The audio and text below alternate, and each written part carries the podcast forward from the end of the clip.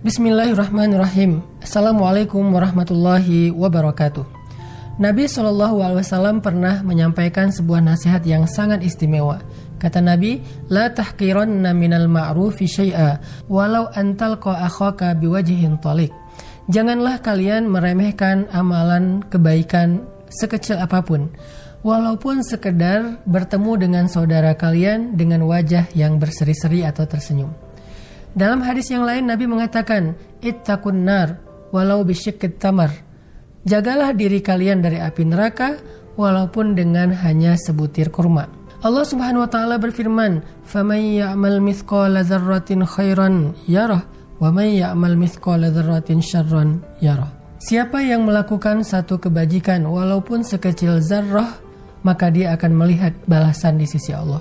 Dan barang siapa yang melakukan keburukan atau dosa walau sekecil zarrah, dia juga akan melihat balasannya di sisi Allah Subhanahu wa taala.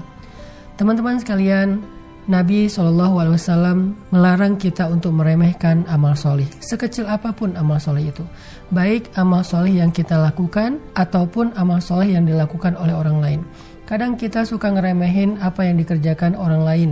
Kita menganggap bahwa yang dia lakukan itu sesuatu yang biasa aja. Kayak misalnya ada orang yang kita lihat di sosial media lagi memungut sampah, kita bilang apaan sih gitu aja pamer segala macam. Ah itu itu mah nggak usah dibangga banggain segala macam. Jadi kita jadi kayak julid gitu terhadap kebaikan yang orang lakukan dan kita remehkan. Seolah-olah yang dilakukan itu tidak ada nilainya di mata Allah. Padahal bisa jadi yang kita anggap ringan di mata kita ternyata berat di mata Allah. Yang kita anggap sepele di mata kita ternyata sesuatu yang besar di mata Allah. Wa tahsabunahu hayyinan wa huwa indallahi azim. Kalian menganggap itu sesuatu yang hayyin, yang ringan, wa huwa indallahi azim padahal di sisi Allah itu sesuatu yang sangat agung. La tahkiranna minal ma'rufi syai'a. Jangan remehkan kebaikan. Sehingga ketika kita nggak meremehkan kebaikan, kita jadi mudah untuk beramal solih. Karena ada orang yang sulit beramal solih karena dia terlalu idealis dan perfeksionis. Buat dia amal soleh itu harus yang gede-gede. Lalu ketika dia nggak mampu melakukan satu kebaikan yang besar, dia jadi tidak berbuat apa-apa. Nah ini adalah orang yang terjebak di dalam angan-angan. Sehingga apa pun kebaikan yang terbersit dalam benak kita yang kita bisa lakukan hari ini dan saat ini juga lakukan. Saya teringat dengan kisah Sayyidah Aisyah karena Sayyidah Aisyah ini terkenal dengan perempuan yang sangat dermawan. Beliau tidak pernah menolak orang yang meminta-minta kepada beliau. Satu hari ada seorang perempuan miskin datang ke rumah Sayyidah Aisyah minta makanan. Kemudian Sayyidah Aisyah masuk ke rumahnya mengeluarkan hanya beberapa butir gandum yang masih tersisa di rumah Sayyidah Aisyah. Saking prihatinnya kehidupan Nabi dan Sayyidah Aisyah sampai di rumah Rasulullah SAW itu hanya ada tersimpan beberapa butir gandum. Beda banget ya dengan rumah kita yang di kulkas penuh, di lemari penuh, di atas meja makan penuh, bahkan kadang-kadang di tong sampah juga masih penuh sisa-sisa makanan yang mubazir. Tetapi di rumah Nabi hanya ada beberapa butir gandum yang tersimpan.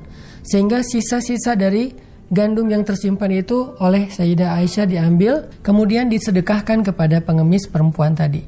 Lalu pengemis ini pas melihat pemberian Sayyidah Aisyah cuma beberapa butir gandum, dia heran.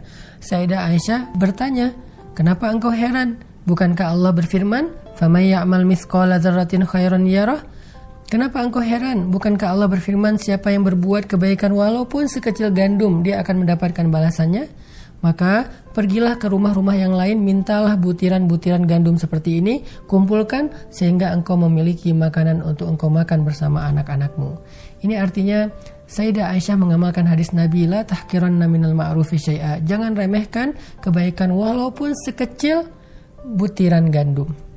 Sehingga Sayyidah Aisyah tidak mau melewatkan kesempatan berinfak, bersedekah, walaupun di rumahnya hanya ada beberapa butir gandum. Bagaimana dengan kita? Kadang-kadang kita merasa enggan untuk bersedekah karena hanya punya uang receh. Soalnya idealisme dan perfeksionisnya kita nganggap sedekah itu ya minimal 50 ribu, 100 ribu. Kalau cuma 10 ribu ya udahlah nggak ada nilainya. La tahkiran, jangan kita remehkan. Menurut kita itu 10 ribu, tapi di sisi Allah itu dikali 700 kali lipat. Jadi berapa tuh? gede. Tapi juga bukan berarti kita hanya menyisakan yang kecil-kecil saja untuk beramal. Maksud dari hadis ini adalah jangan sampai kita nggak beramal hanya karena pengen yang gede-gede doang. Padahal banyak amalan yang mudah dan ringan, tetapi ternyata pahala di sisi Allah itu besar. Termasuk kalimat yang sering saya ulang-ulang. Nabi Shallallahu Alaihi Wasallam bersabda, kalimatan khafifatan alal lisan, sakilatan fil mizan, habibatan ilar rahman. Ada dua kalimat yang ringan diucapkan dengan lisan, tapi berat di dalam timbangan kebaikan dan Allah suka banget dengan kalimat itu. Apa kalimatnya? Subhanallahi wa bihamdih. Subhanallahil azim. Ringan kan? Dan jangan kita remehkan kalimat itu sehingga kita memilih untuk mengucapkan kalimat-kalimat yang sia-sia, menyanyikan lagu-lagu yang mungkin tidak berpahala ketimbang hanya mengucapkan kalimat yang mudah tapi berpahala besar. Kita punya banyak waktu untuk bernyanyi. Kita punya banyak waktu untuk berdebat. Kita punya banyak waktu untuk bicara dengan topik-topik yang kadang-kadang nggak menambah pahala juga nggak menambah dosa.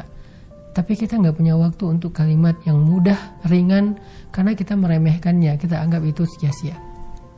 Kita meremehkan Al-Quran. Ketika kita ingin membaca Al-Quran, kita jadi berpikir, aduh kalau nggak ada waktu satu juz, ya udah nggak usah tilawah dulu. Kita kadang-kadang terlalu perfeksionis. Kita baru tilawah kalau ada waktu sejam untuk khatam satu juz. Padahal nggak kayak gitu. Selama kita punya waktu 10 menit, 5 menit, baca aja. Mungkin dapat dua ayat, tiga ayat, itu lebih baik daripada tidak sama sekali. Dan satu ayat itu mengandung sekian banyak huruf. Sementara satu huruf, kata Nabi, akan dibalas dengan 10 kebaikan. Kebayang gak tuh? Kita 5 menit duduk bisa dapat sekian ratus kebaikan. Kenapa kita sia-siakan? Lah tahkiran. Jangan diremehkan itu. Sebagaimana juga kalau kita berzikir, aduh kalau nggak sampai seribu kayaknya udahlah males. Enggak, sepuluh kali juga cukup. Kan di pagi hari itu ada zikir la ilaha illallah wahdahu la syarikalah lahul mulku wa lahul hamdu yuhyi wa yumitu wa huwa ala kulli syai'in qadir 100 kali ajaran Nabi. Tapi kalau kita nggak sanggup 100 kali, jangan sampai kita tinggalkan sama sekali. Aduh kayaknya nggak sempet deh 100 kali. Ya udah nggak usah deh hari ini. Jangan. Ucapkanlah walaupun cuma sekali. Nggak ada yang sia-sia dari kebaikan. Faman ya'mal mithqala dzarratin khairan yarah. Barakallahu fikum.